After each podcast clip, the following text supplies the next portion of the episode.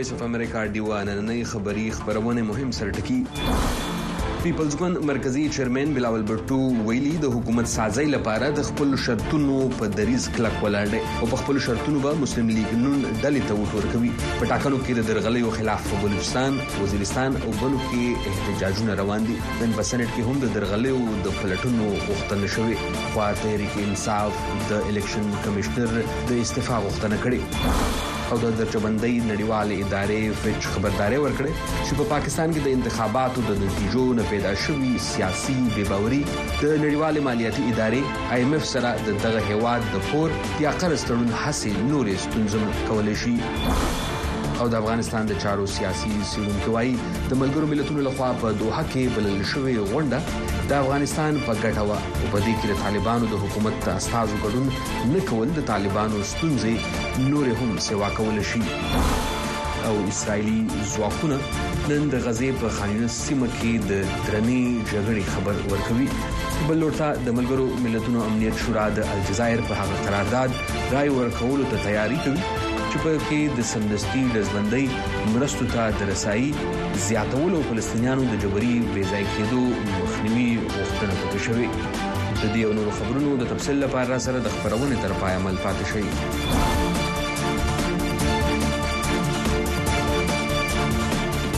ستړي مه شئ دا د وایس اف امریکا ډیوه ده نن د نهې یا سهشنبې ورځ د کال دوه زره څلېرویشتم د فرورۍ د میاشتې شلمه نېټه ده وخت شوی په اسلام اباد کې د شپې لس په کابل کې د شپې نهه نیمې او په واشنګټن کې د غرمې دولس بجې دي په دې خبري خپرونه کې درته زه نصرالله خان هرکلی وایم ورځو هم د مهمو رپورټونو په لور په پاکستان کې انتخابات په اتمه فروری باندې تر سره شوې دي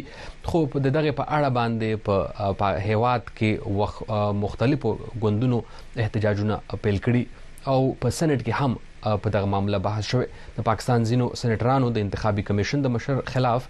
د مقدمه دایرولو غوښتنه کړې ده بل اړخ ته تحریک انصاف اوسنی چیرمن بیرستر ګوهر علي خان د الیکشن کمشنر د استعفا غوښتنه هم کړې نور تفصیل تاسو ته اسلام آباد نه د ډیوا خبرياله رابعه پیر په دې رپورټ کې وړاندې کوي. د سېنېټ د غونډې په مهال د ملتپاله نېشنل ګوند سېنېټر طاهر بزنجو او د جماعت اسلامي سېنېټر مشتاق احمد د الیکشن کمشنر څخه د استعفا ورکولو او د دوی پر ضد د غدارۍ د مقدمې چلېدلو غوښتنه وکړه. ایک با اختیار جوډیشل کمیشن قایم کر دی. د سپریم کورټ په کچه د یو خپلواکه جوډیشل کمیشن جوړ شي په ټول پاکستان کې د فارم پنځه څلوېښت تر مخه پلټنې وکړي ولې چې د ولس د حق پریکړې د تړلو دروازو شاته یوازې سرکاري افسرانو ته نه شي ښودل کیدی.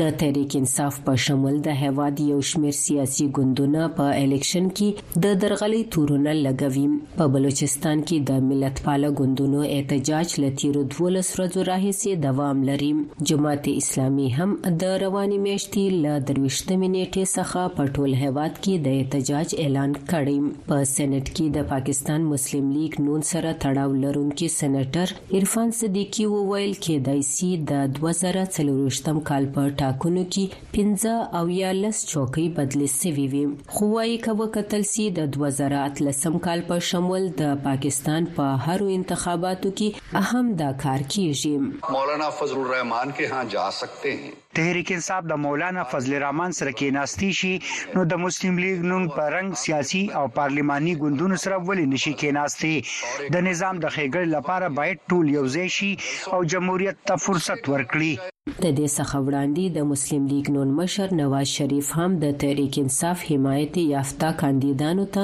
د دوی په ګوند کې د ګډون بلنه ورکړې وه خو پاکستان تحریک انصاف تېره ورځ د سني اتحاد کونسل سره په وفاق، خیبرپښتونخوا او پنجاب کې د اتحاد جوړولو اعلان وکړ.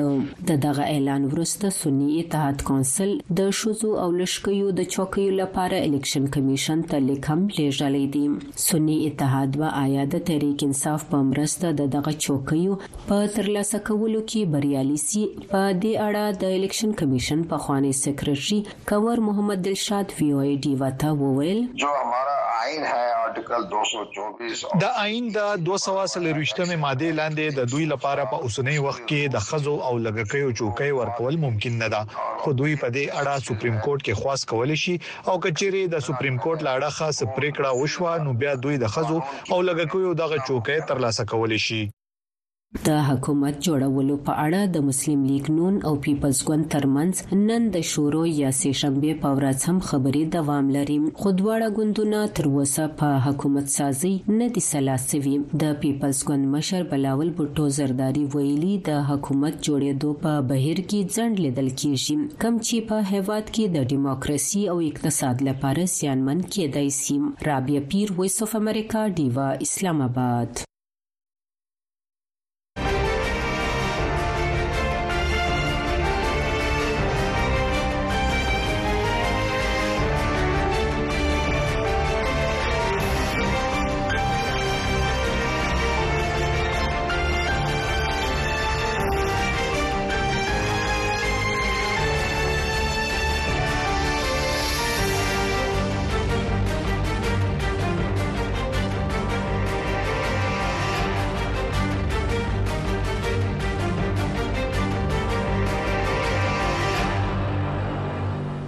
دا د وایس اف امریکا ډیوه د خبري خبرونه لا دوام لري په بلوچستان کې سیاسي ګوندونو د تیرو نږدې دوه هفتو نه په ټاکنو کې د درغلیو تورونو په سر احتجاجونه پیل کړي دي تفصیل د کوټنا د ډیوا خبريال حفیظ الله ستوري شرانی د ډیوا د همکار نوشروان قلندر سره په لوی خبر پښتونخوا کې خبر کړي تاسو تاسو پام ورته راړو نن د بلوچستان په پښتني سیمو کې د پښتونخوا نېشنل عوامي ګوند چې د خوشحال خان کاکړ پارټي ده د هغوی له خوا څخه په زیاترو سیمو کې په کوټه کې، په کلاسیف الله کې، په ژوب کې، په لورنای کې او په نورو سیمو کې احتجاجونه شوي وو. د دې ترڅنګ د پښتونخوا ملي عوامي ګوند، هزاره ډیموکراټیک ګوند، بي ان پي مینګل او همدغسې د ډاکټر عبدالمالک بلوڅ ګوند نېشنل پارټۍ له خوا څخه د کوټ د بلوچستان په مرکزي ښار کوټه کې د کمشنر د دفتر ومخې ته احتجاجي پرلت له شاوخوا دوو اونۍ څخه لا هم روان دی په تربت کې چې بلوڅ میشته سیمه ده هلته په دوه ځای کې د نشتل چې د ډاکټر عبدالمالک ګوندی د هغه لخوا څخه احتجاجونه روان دی او هلته پرلت روان دی نن هم په چمن ښار کې د عوامي نشتل ګوند لخوا څخه چې کوم روان پرلت دی هغه لا هم ناست دی او پر احتجاج باندې دی دا داغه د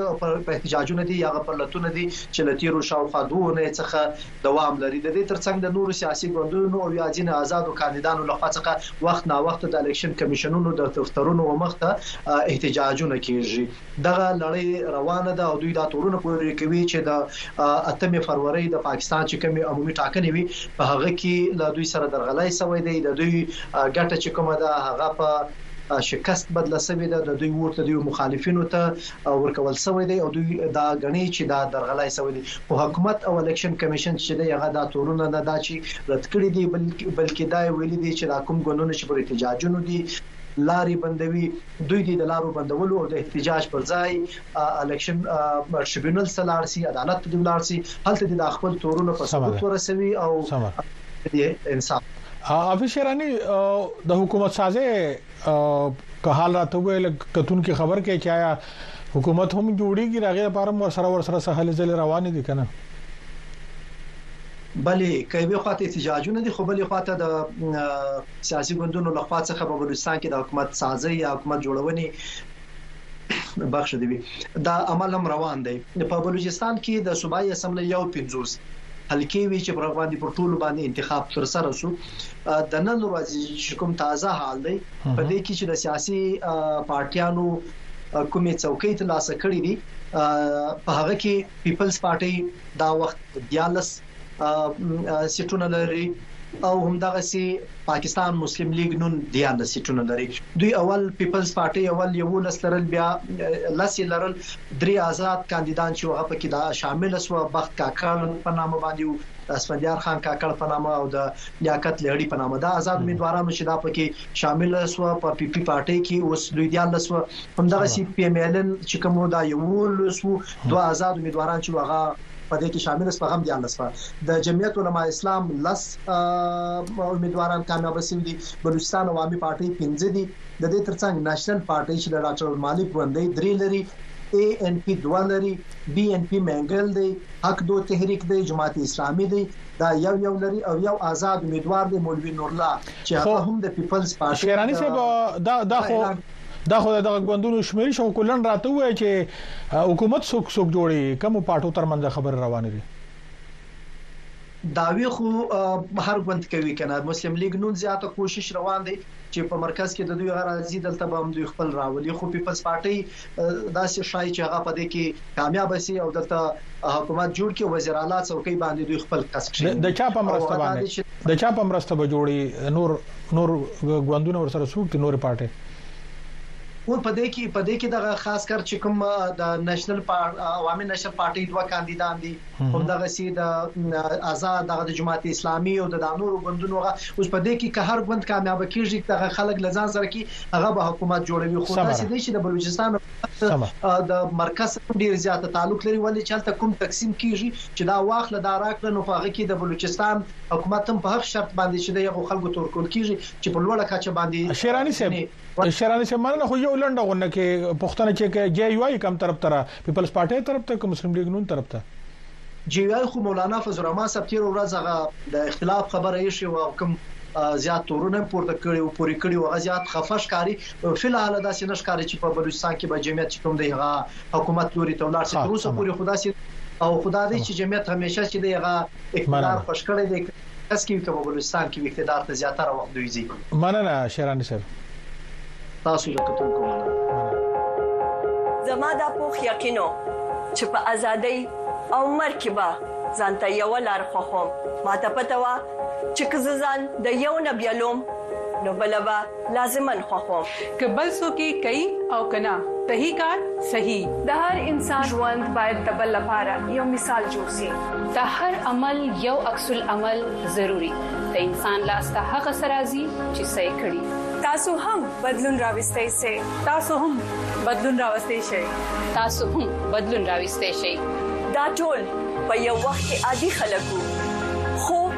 د نورو په ژوند کې یو لوی بدلون راوسته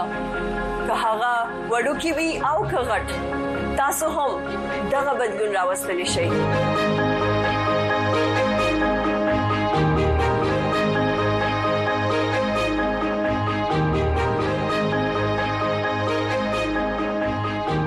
د رويس اف امریکا ډیوه د خبري خبرونه لا دوام لري د درجه بندۍ نړیوالې ادارې فچ خبرداری ورکړی چې په پاکستان کې د انتخاباتو نتیجې او د هغې له کبله پیدا شوي د سیاسي بې باورۍ صورتحال د نړیوال مالیاتي ادارې آی ایم ایف سره د دغه هیواد د قرض له وزدامې هڅې پیچلې کولی شي د اقتصادي چارو ماهرین وایي د معاشي ستونزو ټیټې اقتصادي ودې او ګرانۍ سره مخ پاکستان کې که یو داسې مستحکم حکومت ضرورت دی چې د سختو اقتصادي پریکړو توان ولري نور تفصیل تاسو ته اسلام آباد نه ډیوه خبریال ارشد حسین په دې رپورټ کې وړاندې کوي. د درجه بندۍ نړیوالې ادارې فچ په خپل تازه رپورټ کې ویلي، د ایم ایف سره د پاکستان د لنډمهاله قرض پروګرام موده د مارچ په میاشت کې سر ته رسي او نړیوالې ادارې سره یو نوی تړون د پاکستان د اقتصادي صندوق د کونجۍ په معنی دی. رپورټ وايي که چېرې پاکستان په راتلونکو څو میاشتو کې د آی اېم اېف نه پور ترلاسه هم کړو نو په راتلونکي مذاکراتو کې ناکامي به د پاکستان په مالي سرچینو د فشار او د اقتصادي سقوط امکان کې د اضافې سبب شي. د اقتصادي چارو ماهرین وايي د درجه بندۍ د نړیوالې ادارې فچ دا رپورټ واضحه اشاره کوي چې د پاکستان اقتصادي اشاریې به لا نورې هم په ښکته ځي. ریاض صدر بکار دي چې پاکستان ته به د اپریل په راتلونکې میاشت کې یو بیلیون ډالره قرضه بیرته ستنول وي او د دې سره د روان مالي کال تر پایه به نورې څلور بیلیونه ډالره پیمنټ کول وي او دا ټولې ادایګانې هغه وخت کیدی شي چې د آی ایم ایف سره د قرض یو بل اوږدمهاله لوظنامه وشي.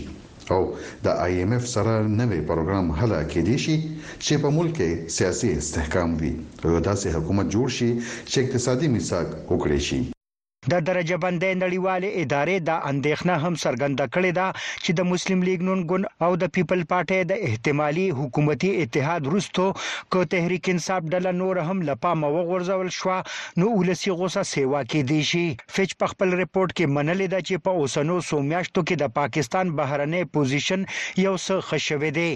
د ادارې تر مخه د پاکستان د سټیټ بانک د بهرنو اسعارو ذخیرې د فرورۍ تر میاشتې سیوا شوې دي او اته اربه ډالرو ته رسیدلې دي چې پروس کال تر دریمې فرورۍ دا تر دوه اعشاریه نهه اربه ډالرو په ټیټه کچه وې. د فیچ رپوټ وايي چې د متوقع بهرنۍ مرستو تر لاسه کولو ضروریاتو په مقابله کې دا ذخیرې کمې دي او په راتلونکي څو کلونو کې به پاکستان ته په لاس کې د لرونکو ذخیرو نه زیاتې پیسې ستنول یا ادایګیانې کول وي. د اقتصادي چارو ماهرین وايي، اوس به دې ته کتل کېږي چې د پاکستان راتلونکی حکومت خپله څومره د اعتماد وړ او با ثباته وي او همدا شرطونه به د پاکستان اقتصادي ښه او بد ټاکي. که وو کوی بی ګورنمنټ آئې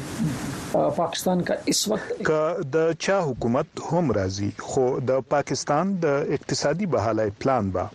د آی ایم ایف بغیر نیمګړی وي. کهين يې رائے پائي جا رهي هې که نهين جي هم ديکهين ګې که هم آئي ايم ايف کي بغير کيا کر سکتې هې. فیچ ویلي د ګڼ اړخیزه او دوه اړخیزو شراکتدارانو نه مالي کومک ترلاسه کول به د پاکستان د راتلونکي حکومت د ایجنډې په سر کې وي. ښکاره دې وي چې تر دې وړاندې آی ایم ایف په خپل رپوټ کې د مالي کال دوه زره څلېرویشت لپاره د پاکستان د معاشي پرمختیا رفتار کې د کمۍ پیشبیني کړې ده او د اقتصادي ترقۍ د کچې اندازه یې دوه فیصدي ته را کوزه کړې ده. ارشد حسین، وایس اف امریکا، ډیوه، اسلام اباد.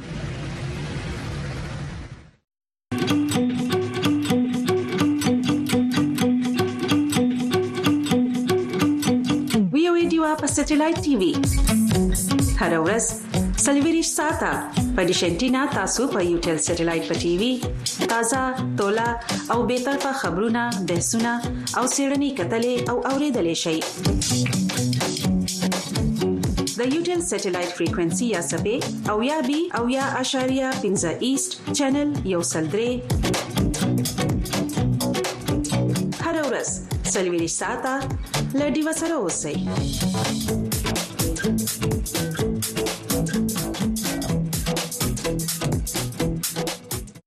د رويس اف امریکا ډیوه د خبري خبرونه لا دوام لري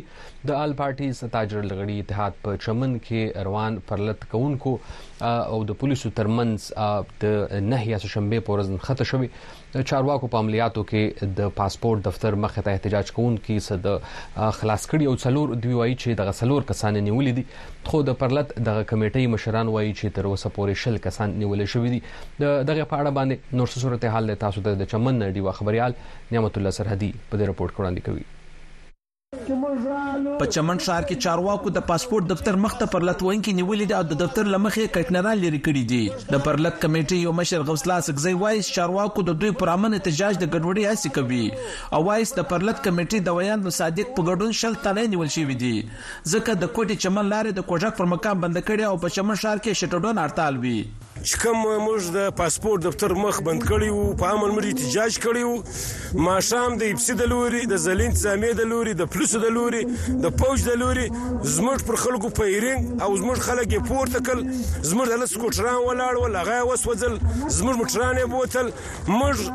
شل کسان یې وړي دي نو موږ و ریاست ته دا وایو چې زموږ خلک د دا رقم نه استعمالوي چې بس دی به خالي ګولۍ پر چلوي د ګولۍ دپاره به موږ ښکار یو د بلوچستان د اطلاعاتو نګران وزیر جان اڅکزي ویلي دي چې په چمن کې مزارچیانو قانون په لاس کې اخیستی او د پاسپورټ دفتر یې تړلی دی. جان اڅکزي پر ایکس لیکلي دي چې پولیسو د نورو قانون نافذ کوونکو ادارو سره دغه بې ځایه احتجاج کوونکي څلور کسان نیولي دي. د اڅکزي په وینا پرلتوالو ته له تیرو څو میاشتو په سوله ییزه توګه احتجاج اجازه ورکړل شوې وه خو وايي پرون یې د پاسپورټ دفتر د بندولو عمل وروسته چارواکو مداخله وکړه. اواز د سفر لپاره د پاسپورت شرط د حکومت پرېکړه ده او دا به عملي کېږي او هېڅ ډول خنډ به پرې ونه زغمل شي. په چمن ښار کې له تېرو څلورو میاشتو راهیسې د آل پارټۍ ستاجر له غړي اتحاد له خوا پر لت روان دی او پر باب دوستۍ دروازه د پاکستان پاسپورت وېزې ون رژیم پرېکړه منلو څخه انکار کوي او له حکومته غوښتنه کوي چې د پخوا په څېر دې پر پاکستاني شناخته کارت او افغان تذکره د تګ راتګ اجازه ورکړل شي. دغه احتجاج کوونکو د یکشنبې په شپه ناوخته د چمن پاسپورت دفتر مخته کټنران ایښي چې له کبله یې د پاسپورټ جوړولو عمل بند شوی وو او د پاکستان حکومت د هغو هڅو درولو کوشش یې کړی دی چې ځايي خلک په زیات شمېر پاسپورټ جوړ کړي او په ویزې باندې پر چمن بابیدوسي دروازه باندې تګ و راتګ وکړي خو د حکومتي چارواکو له لوري ددوی د دې اقدام پس په ګڼ شمېر عادي خلک د پرلت ځای ته راغلي وو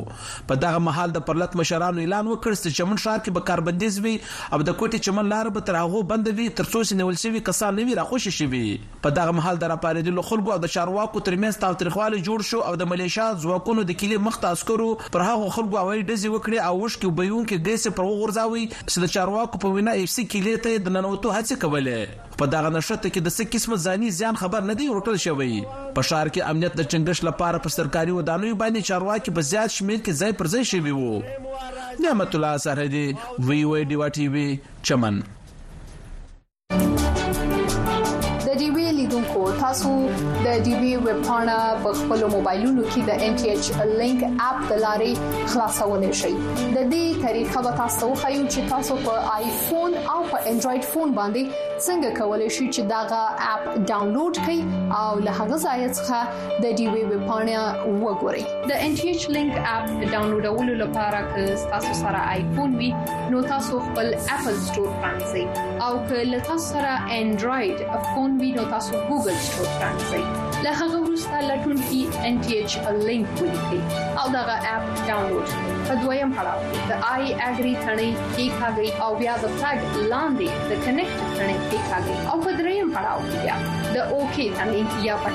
کې کاږي لکه نکټېدو وروسته تاسو د ویوی پاڼه پرانیزئ او د خپل خوښې خبرونه وګورئ او له هغه ځایه تاسو کولی شئ چې د خپل خوښې ټول پروګرامونه ریپورتونه او لیکنې ولولئ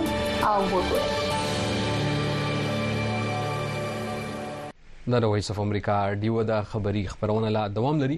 د ترکیې او د امریکا اړیکې په چټکۍ سره په ښه کېدو دي. واشنګټن ترکیې ته وړاندیز کړی چې کولای شي د امریکا اف ترټي فایف جنګي جټ الوتکې واخلي که چېرې ترکیه له درېیم هېواد سره لکه د روس څخه چې د اس فور هنډرډ ډول مزایل واخیستل خپلې معاملې پرېږدي. لکه څنګه چې له استنبول څخه ډورین جونز راپورټ راستولی، دغه مزایل د ترکیې او د روس د ژورو اړیکو د نښې په توګه لا پاتې دی. د دغه راپور تفصیل درته د ډیوا همکار مجاهد جواد په دې راپور کې وړاندې کوي. د ترکیې لخوا د امریکا د اف پنځه دېرش ډوله پرمختللو الوتکو اخیستل به یو ځل بیا اجنډا ته راشي. انقره وروسته له هغې د جیټ له پروګرام څخه ویستل شوې وه کله چې یې له روس څخه د الوتکو زد ایس څلور سوه توغندي واخیستل چې واشنګټن یې د اف پنځه دېرش پټې ټکنالوژۍ ته خطر بولي. خو استانبول ته تېره میاشت په خپل سفر کې د امریکا د بهرنیو چارو د وزارت مرستیالې ویکټوریا نولند ترکیې ته دا وړاندیز وکړ چې که چیرې د روس د میزایلو له پروګرام څخه وځي نو کولای شي د امریکایي جیټ الوتکو پر اخیستلو غور وکړي.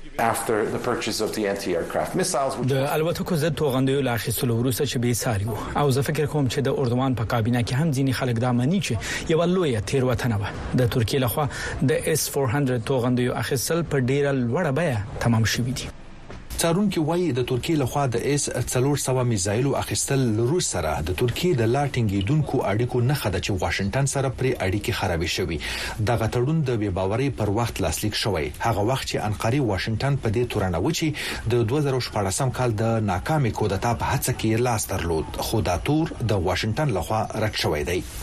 نن سبا له امریکا سره د ترکیې اړیکې په ناټو کې دانقرې له خوا د سویډن له منلو سره په ښه کیدو دي چې په غبرګون کې یې واشنګټن په ترکیې باندې د اف شپاړس ډوله جټ الوتکو پلورلو ته اجازه ورکړې خو اف شپاړس له اف پنځه دېرش څخه ښکته دي او ټاکل شوې ده چې سیال او ګاونډي یونان یې د خپل پوځ د عصري کولو لپاره واخلي. When you read Turkey's Hawks. کله چې تاسو د ترکیې هوایي ځواک ته وګورئ، نو د دوی هر کس وېرېږي چې د هوایي ځواک له ګاونډ سره په توله کې نه دی او یا دا چې د یونان په ګټه برابرېږي. In favor of Greece. خو څېړونکي وايي، دا چې انقره به د اېس پنځه دېرش الوتکو د اخیستلو په برخه کې د واشنګټن وړاندیز ومني او په بدل کې به یې د روس جوړ میزایلو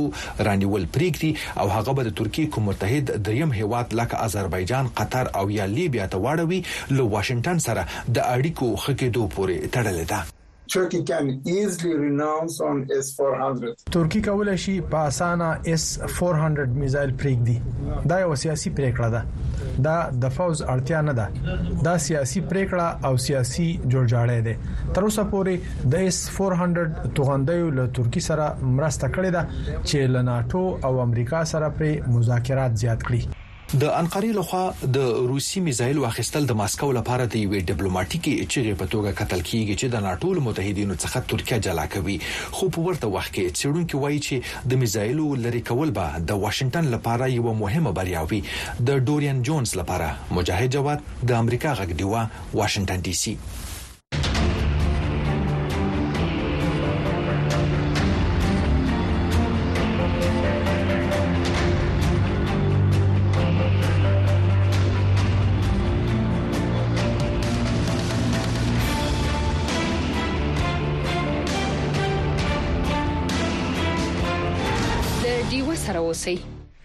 د رويس اف امریکا ډیوه د خبري خبرونه لا دوام لري په روس کې د حزب اختلاف چې په جیل کې کوم مشرو الکسی نوالني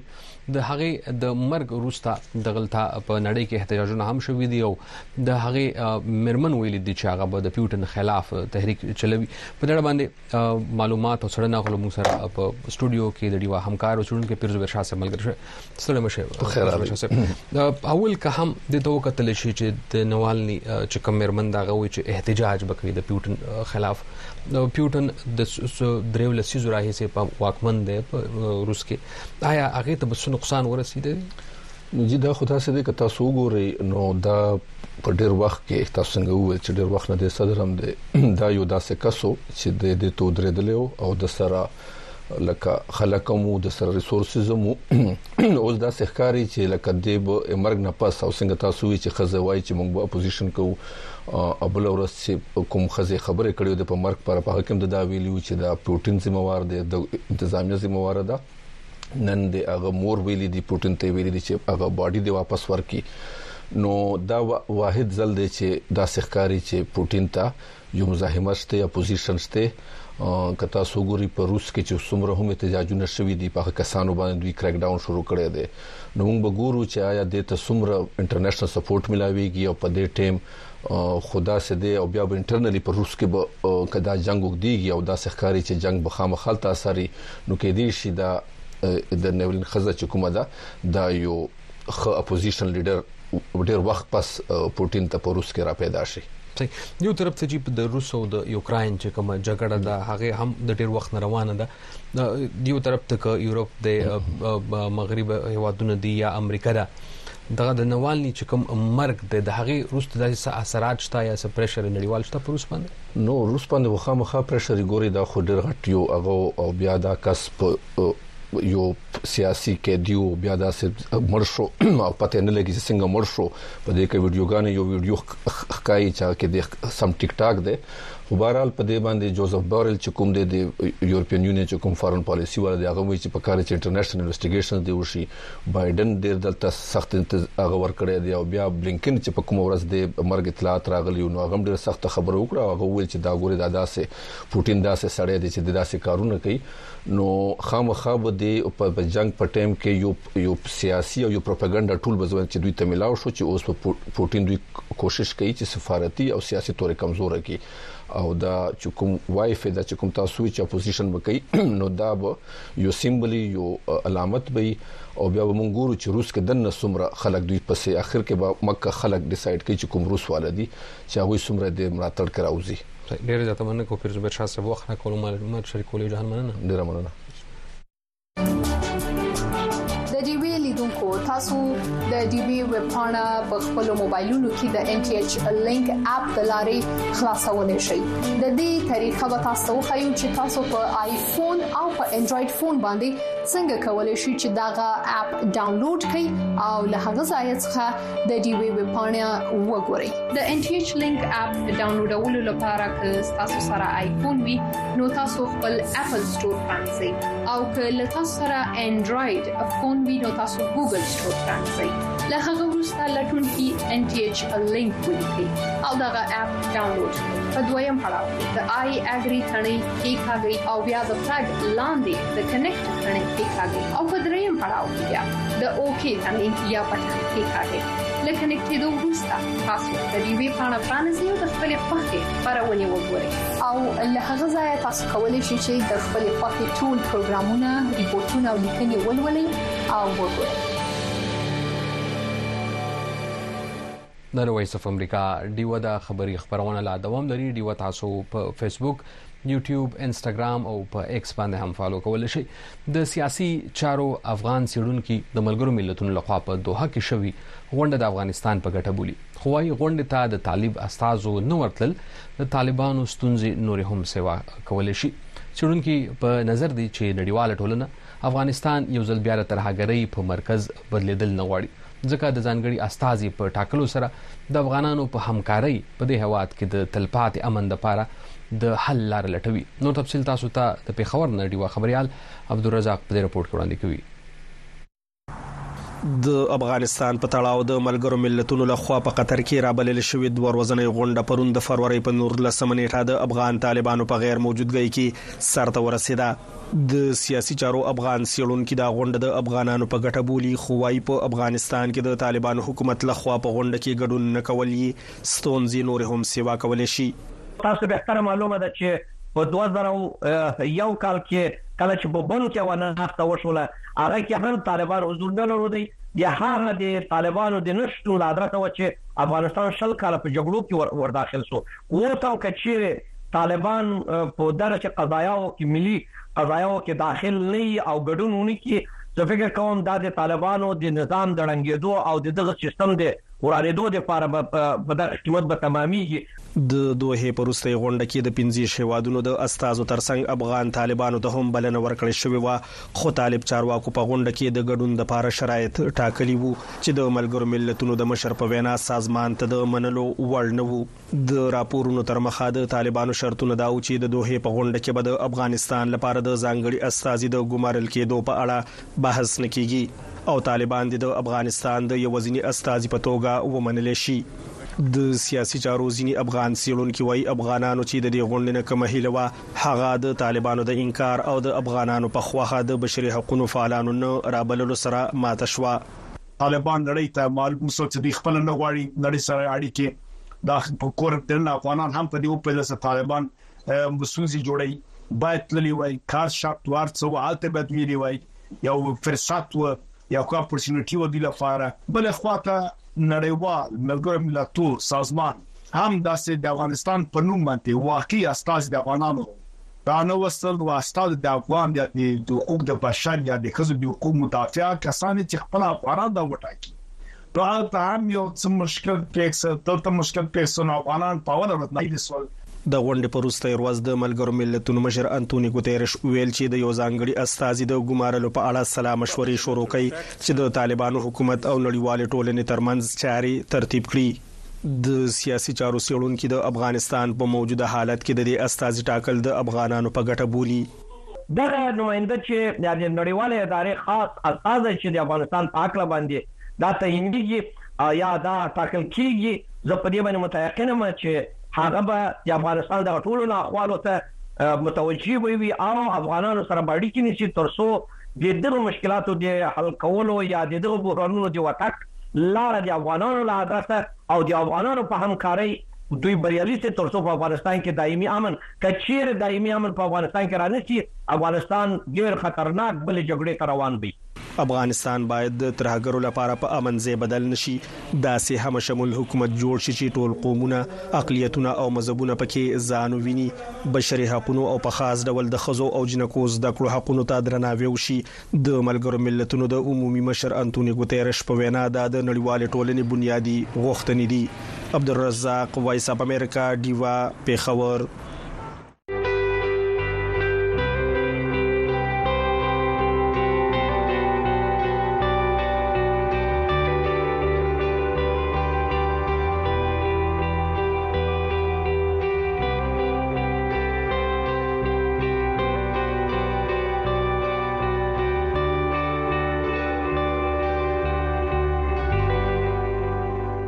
دا د وایس اف امریکا ډیوه ده په پیښور پوهنتون کې په درې ورځنۍ امن میله کې د افغانستان نه هجرت کوونکو او په خیبر پښتونخوا کې د ترهګرۍ او پوځي عملیاتو د لاسه بې کور شو خلکو ستونزو او ژوند باندې بحث شوی پوهان ویلي افغان مهاجرین کې زیاتره دیاړي یا په کارونه کول او لږ شمېرې کې په رسمي کارونو بوخت وو. نور حال د پېښور نه د ډیوه خبریال فرید شنواری په دې رپورټ کې درکوي. څېړونکو د درې ورځنۍ امن مېلې ته په خپلو خبرو کې وویل، پاکستان کې له تېرو څلوېښتو کالو راهسې افغان مهاجرین ژوند کوي او تر اوسه پورې پاکستان د دوی په اړه یوه واضحه پالیسي جوړه نه کړه. اوس کمپونه چې موږ وګورو نو ما تاسو ته یو مسله خو بیان کړه هغه مسله دا وه چې مونږه فیمیل ایجوکیشن ته وګورو نو کیمپونو کې فیمیل ایجوکیشن ډیر کم دی ایون میل ایجوکیشن کم دی یو وجہ د فیمیل ایجوکیشن کمیدو دا ده چې الته هریپور کیمپ مونږ وګورو تقریبا یو لاک آبادی دی هغه یو لاک آبادی کې یو هایر سیکنډري سکول فار ګرلز نشته ریزلټنلی جنکیانې چې دی هغه میډل نه پس سبق نه وای اچھا او د سکولونو تعداد هم کم دی همدغه شانته هایر سیکنډری سکول بوایز لپاره شته لیکن ډیر کم تعداد کې څېړونکي وایي د پاکستان په بیلابیلو سیمو او کیمپونو کې مېش څه شپېته فیصد پورې افغان ماشومان زده کړې نه ترلاسه کوي او فقط دوه فیصد افغانان لوړې زده کړې ترلاسه کوي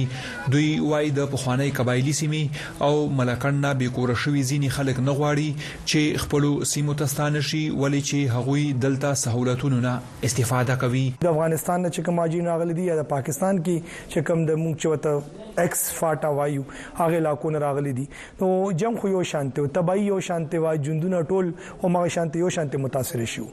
خو بيا پاکستانيانو ته دا يو ايډوانټيج حاصل و چې هغه د دې ځای شهریان دي هغه سره شناختی کارډونه دي هغه سره د دې ځای شهریت دی نو هغه ته په مختلف قسم سرویسز اکسس کول وتا نوکریانو او دغه شانت نور شیزونه هغه شتو کې ډیر مشکلات نو بنسبت افغان ریفیوجینا کم چې غیر ملکی تصور کیږي په پا پاکستان کې څېړونکي وایي په افغان مهاجرینو کې څلوېښت فیصده داسې هم دي چې ورځنۍ دیاړۍ کې لګیا دي او ښځې یې په کورونو کې جامې، څادرې او نور شیان جوړوي. د پېښور پوهنتون زده کوونکي وايي، باید په افغانانو تشدد ونه شي او دلته ونه ځورول شي. پیله خبره دا ده چې هغه انسانان دي، بل پښتانه دي او زموږ سره د زندګۍ په څه نه څه موړ منې هغوی سره څه نه څه واسطه راغلې ده. نو تر دې چې افغانیانو سره د قانوني حق هم دی چې یاره هغوی په پاکستان کې پاتې شي، هغوی له یو سپیشل ټینه ور ورکړی شي، په ځای د دې منې چې هغوی مونږه داسې په دکو منې یا دومره زر چې کوم دې مونږه هغوی د پاکستان نه وباسو باید چې هغه هم انسانان دي هغوی ته هغوی فنډامنټل رائټس ملاو شي څېړونکي وایي په پاکستان کې میشت افغانان د تعلیم، صحت، په ازاده توګه ګرځېدو ترڅنګ د روزګار کولو ستونزو هم ښکار شوي او د له کبله یې ژوند اغېزمن شوی دی. فرید شینواری، وایس اف امریکا، ډیوه، پېښور. زما دا پوخ یقینو چې په ازادۍ او مرګ کې به ځانته یو لار خوخم ما ته پته و چې که ځان د یو نه بیلوم نو بلبا لازمن خوخم که بل څوک کوي او کنا صحیح کار صحیح د هر انسان ژوند باید د بل لپاره یو مثال جوړ شي د هر عمل یو عکس العمل ضروری د انسان لاس ته هغه سرازي چې صحیح کړي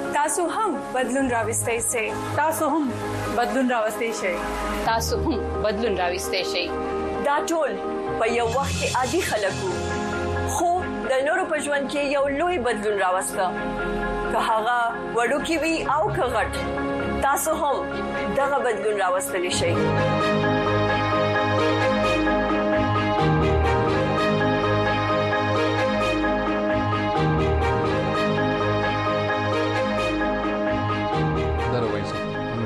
ډیوه د خبري خبرونه لا دوام لري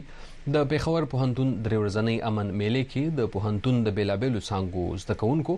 د امن په هکله وایس اف امریکا ډیوه ته خپلو څرګندونو کې ویلي دي چې بدامني صرف هلته نه وي چرته چې جنګ وي بلکې هلته هغه ټولنې هم د امن نه محرومه وي چرته چې تعلیم نه وي میرمنو ته حقونه نه وي ترلاسه او اقتصادي خوشحالي نه وي د زده کوونکو نور د ډیوا خبریالانو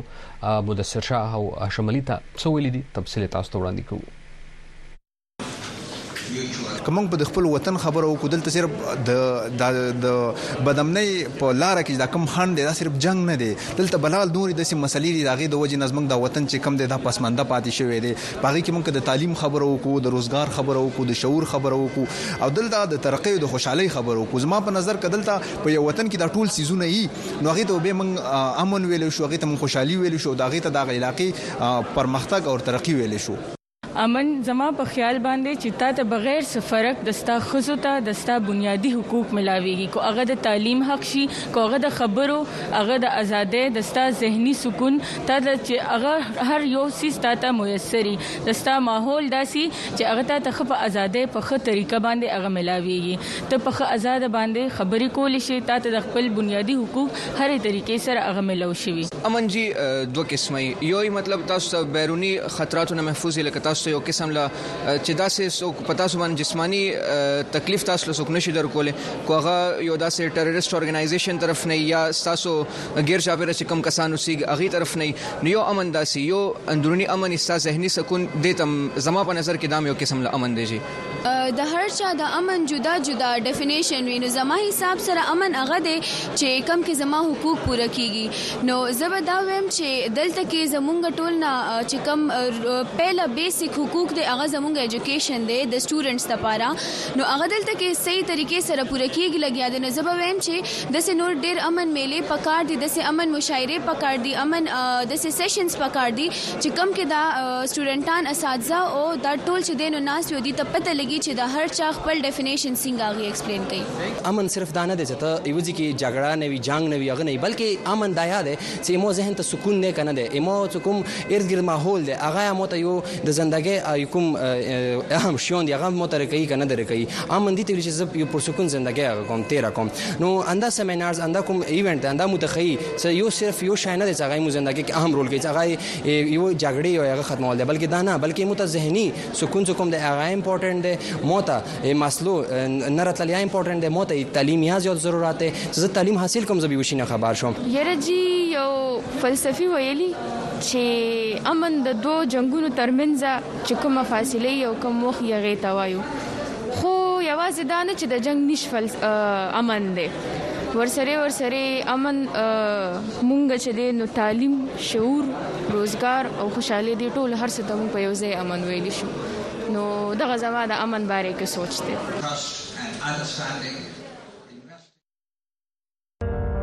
د بدلون په وخت کې کله چې نړۍ د غیر یقیني سره مخامخ کاری او کله چې موږ ساورو هغه هغه شان نخ کاری چې څنګه یې وینو موږ د اړتیا ولټون کوو موږ ته چې کله نیمګړی قصه ویل کیږي موږ په باور بیلو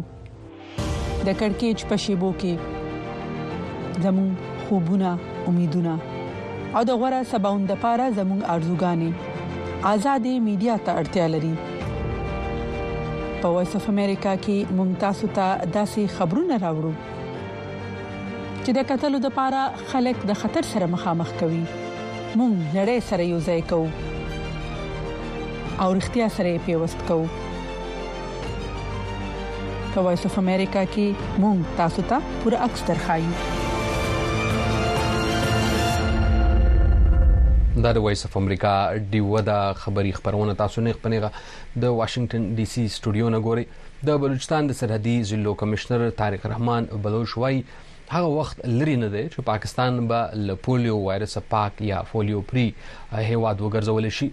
په دې جوب ډیویژن پولیته د افغانستان او جنوبي وزیرستان سره لګیدل خو بیا هم په دې سرحدي ضلعو کې مثبت کیسونه نه دی راغلي تفصیل درته د بلوچستان نه ډیوه خبريال رفیع الله مندوخیل په دې رپورت کې وړاندې کوي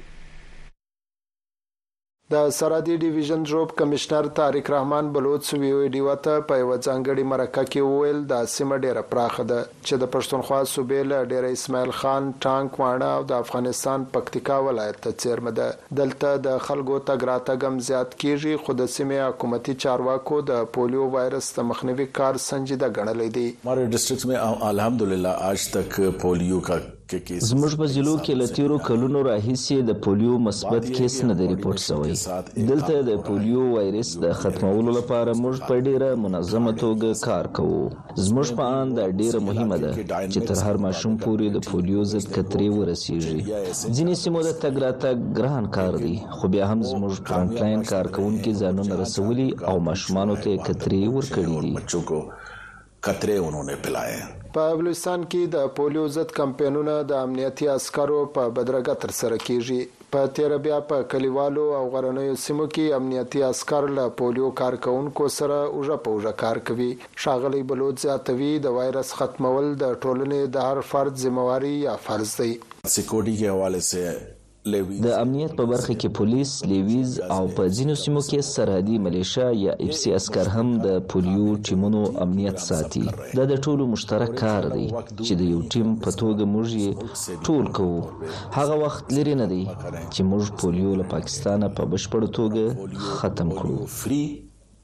کنټری رهه یم. د ژوب ډیویژن درې ضلعې ژوب، شیراني او کلا سیفلا حکومت ځکه د پولیو وایرس له پلوه ډېرې مهمې ګڼي چې دلته د موسمي خلکو یا کډوالو تګ راتګ زیات وي. رفیع الله مندوخېل، وایس اف امریکا، ډیوه، ژوب.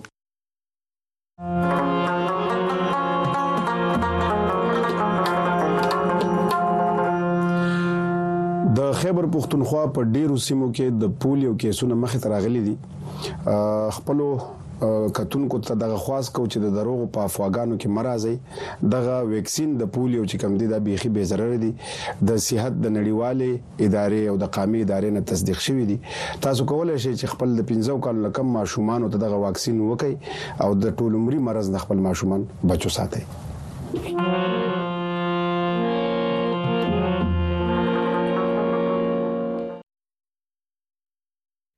د رويس اف امریکا ډیو ده اسرائیل د غزا پټۍ په خان یونس سیمه کې د سخت جګړې خبر ورکړي د ملګرو ملتونو امنیتي شورا د سمدستي اوربند بشري مرستو کې د اضافه او د فلسطینیانو جبري بیځای کولو خلاف د الجزایر په قرارداد رائے ورکوي د ملګرو ملتونو لپاره د امریکای استاذي لنډا توماس ګرینفیلډ ویلي دي دوی به په دغه قرارداد ویټو کوي ځکه غني دا د منځګړیتوب هلې ځلې اغېزمن کولی شي. د اسراییل او د حماس د شخړې تفصیل د ډیوه همکار ارباب محمود علي وړاندې کوي. د ملګرو ملتونو امنیتي شورا کې د رایې ورکولو نه وړاندې امریکې له خپلې خوا د یو بل قرارداد مسوده خوره کړې ده. وایس اف امریکا دا کتلې ده. په دغه کې امریکې د یرغمل کسانو د سمدستي خوشې کولو، په رفاه کې د اسرائیل د ممکنه عملیاتو نه وړاندې د ملکي کسانو د تحفظ لپاره د کره پلان او په اوسنو حالاتو کې د درنو عملیاتو د نه شروع کولو غږ شوی دی. په مصر کې د فلسطینیانو لپاره یو امدادي مرکز ته د سفر په وخت د امریکې د کانګرس غړي ویلي دي چې امریکا په اسرائیل خپل اغېز کاروي خو دا نه شي کولی چې اسرائیل د عملیاتو منع کړي. موږ د خبرو اترو له لارې په جنګ کې د اوربند او په بشري مرستو کې د اضافې ترلاسه کولو کې ډېر سنجیده یو، ځکه چې د مرستو اوسنۍ کچه د منلو وړ نه ده. شک نشته چې دا یو ناورین دی. امریکې، مصر او قطر په جنګ کې د دمې او د یرغمل کسانو د راخوشې کولو لپاره تر هفتو پورې مذاکرات کړي دي، خو تر اوسه یې نتیجه نه ده رامخې ته کړې. اسراییل په رفح کې د عملیاتو خبرداری کړی. د اسراییل چارواکي وايي د حماس د غړو خلاف په رفح کې عملیات ضروري دي. چارواکو د ملکي کسانو د وتلو غږ هم کړی خو نور تفصیل یې نه دی ورکړی. اسراییل دعوه کړې چې په خان یونس کې یې د اسراییلي یرغمل کسانو په اړه تازه ویډیو ترلاسه کړې ده. له استخباراتو او ویډیو څخه ترلاسه شوو معلوماتو له مخې شیري بیباس او د دې دوه ماشومان په اووم اکتوبر له تښتول کېدو وروسته خان یونس ته بوتلل شوي وو، اوس په دې سیمه کې د کاتب مجاهدینو په نامه له ترهګرې ډلې سره دي. په ویډیو کې ښکاري چې ترهګر شیري او د هغې بچي په څادر کې پټوي. د قطر د خارجه وزارت ویاند ماجد الانصاري ویلي، مذاکرات دوام لري، خو خبرداری یې کړی، که اسراییل په رفح د عملیاتو نه ایسار نه کړې شو، نو بیا مذاکرات او په سیمه کې حالات ګډوډېدلی شي. عرب لیګ هم د حماس او اسرائیل په جنګ کې د کلارې غوښتنه کړې ده. زه له دې ځای نه یو وار بیا د اسرائیل د رفاه ښار د قبضه کولو ګواښ ردوم. د غزې پټۍ په نورو څیمو کې د تباهۍ او یرغل نه تښتیدلې د پنځلس لکو نه د زیاتو کسانو د لپاره رفاه د پناه اخري او واحد ځای دی. زه یو وار بیا د ټولو ډلو نه غوښتنه کوم چې په سمدستي توګه د وحشیانه عملیاتو مخه ونیسي. دا عملیات د سیمې د امنیت دپاره ډیر بدی نتیجی رامنځ ته کولی شی. مصر د دوی علاقو ته د فلسطینیانو د ویستلو مخالفت کړی دی. اسراییل ویلي دي دوی دغه ارادې نه لري. ملګرو ملتونو پرله پسې ویلي دي چې غزه د ملکي کسانو دپاره محفوظ نه ده پاتې. مونږ ته د خوراک ضرورت دی ځکه چې مونږ د لوږې د لاسه مرو.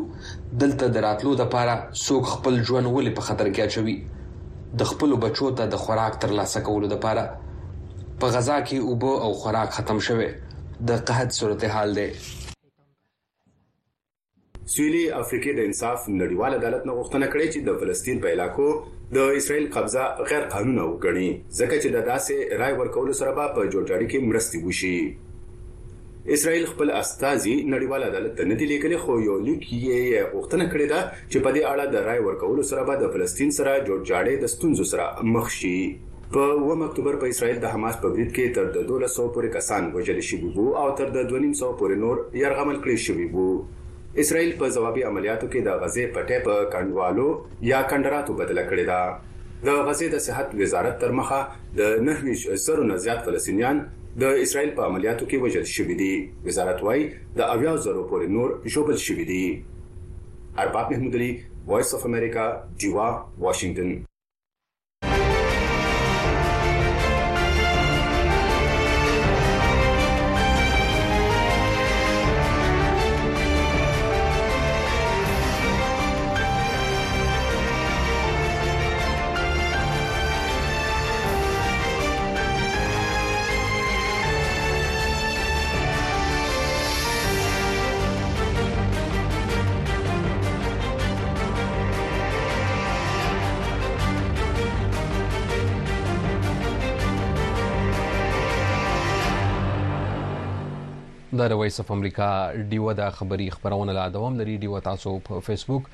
یوټیوب، انسټاګرام او په ایکس باندې هم فالو کول شي د خیبر پښتونخوا په ګڼ شمیر علاقو کې له اوګدې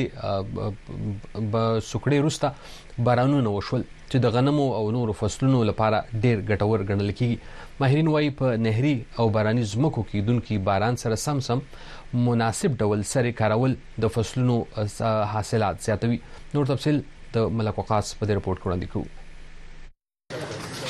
پاکستان د نړۍ په هغو لسو هیوادونو کې شامل دی چرته چې د موسمیاتي بدلون بد اغیزې ورځ تر بلې زیاتیږي د دې منفي اغیزو د مخنیوي لپاره په بیړني ډول د ونو بوټو کار ډیر مهم دی پاکستان د دنیا په لسو هغه هیوادونو کې شامل دی چې هغه ځای کې موسمیاتي تبدیلی را روانې دي ډېر منفي تبدیلی را روانې دي نو کومه غواړو چې موږ دغه تبدلونه ځان وساتو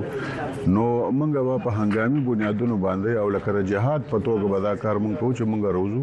موږ ونی بوټي وکړو د یو ذمہ دار وګړي په حیث د ونو په ګڼ شمیر کرل او بیا ساتنه او حسمانه ډیر مهم دي ترڅو چې چاپیریال له زهرجنو او زیان رسونکو اغیزو څخه وزغورل شي کومه یو اون اډاپټ کو یو اون او کرو هر کله د ته په لکونو اون وو کرل شي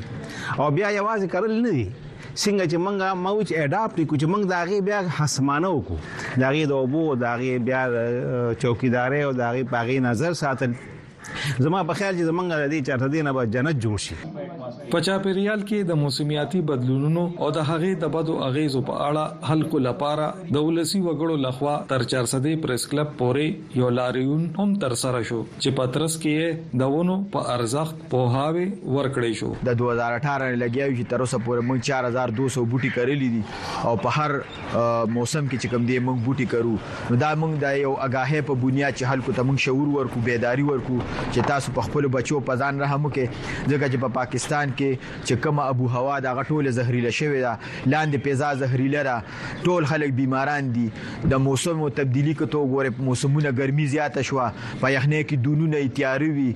په دې موقع ټولنیز کارکونکو دا یادګیرنه هم ورکړه چې د ولاړو ونو د کټای مخنیوي لپاره د کوټل ګامونه پورته کړی شي او راتلونکي حکومت دې په قانون کې نور هم سختي راولي ملک وقاص وایس اف امریکا دوبه چارسده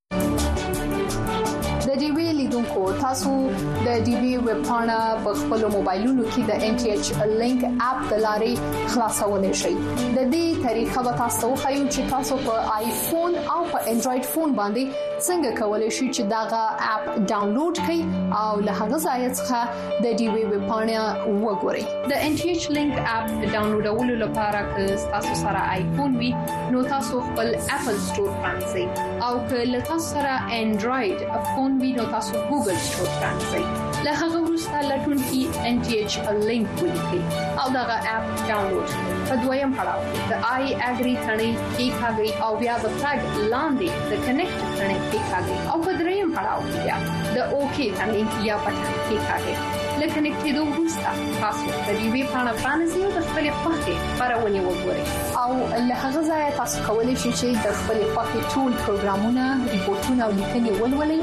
او وګورئ.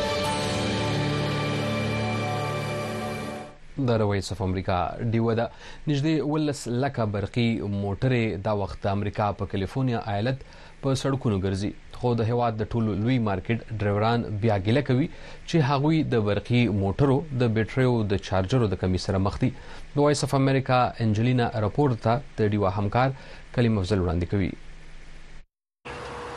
د لاس انجلس اوسېدونکي پال ویلیمز دوه میاشتې مخکې په بجلۍ چلېدونکی موټر واغستلو. د دوو وجوهاتو په بنسټ دا ډېر ښه پاتې شوی، د تېلو لګښت او چاپېریال لپاره هم غوره دي. خو چې کله د ګاډي بېټري ختمه شي، نو د ویلیمز لېوالتیا هم راکمه شي. وايي چې بېټري چارج کول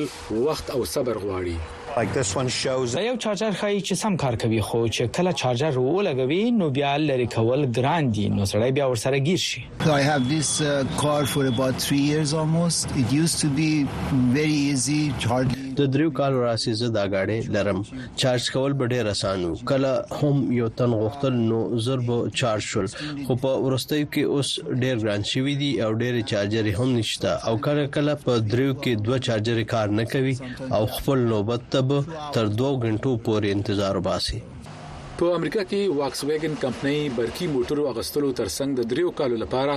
مفت چارجینګ سہولت هم ورکوي او بیا نورو غټو کمپنو بي ام ډبلیو پورشه او مرسډیز هم په دې لار سفر پیل کړی. څنګه چې نور خلک برقي موټرې اخلي، نو په ښار کې د چارجنګ سټیشنو ډېر کمی دی. Beginning it was nice nice car luxury car. په سر کې هر څه ډېر سم وو، شاهانه ګاډی وو، دوو کالو لپاره بډیا چارجنګ وو او نیمه ګنټه کې تېز چارجنګ کېده، خو مسله دا شوه چې دا سټیشن ښایي یو نیم سوه کیلو واټ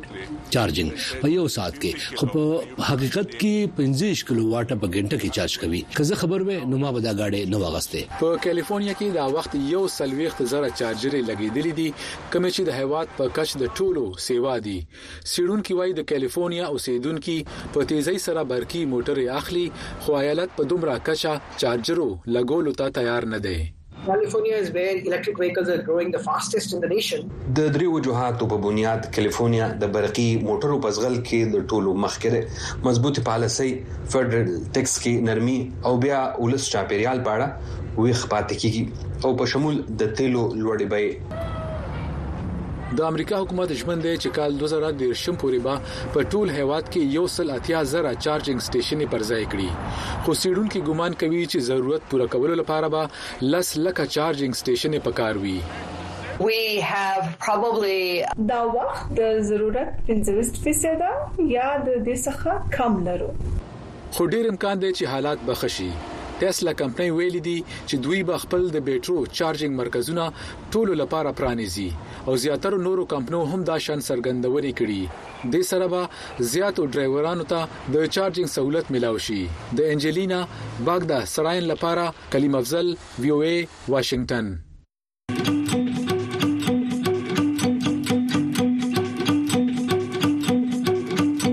وي او ای ډیوه په سټیلایټ ټي وي هره ورځ سلویریش ساته په دیشنټینا تاسو په یو ټل سټلایټ په ټي وي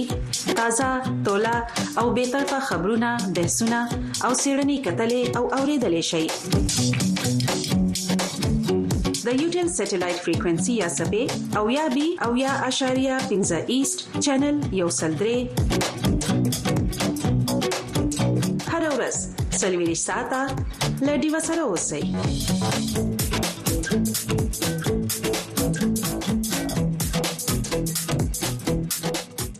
د رويس اف امریکا ډیو د خبري خبرونه تاسو نه خبري غو واشنگټن ډي سي سټوډیو نه کتل که تاسو نه د خبرونه پاتې شوی یا د لوی خبر پښتونخوا هلو بوي خبرونه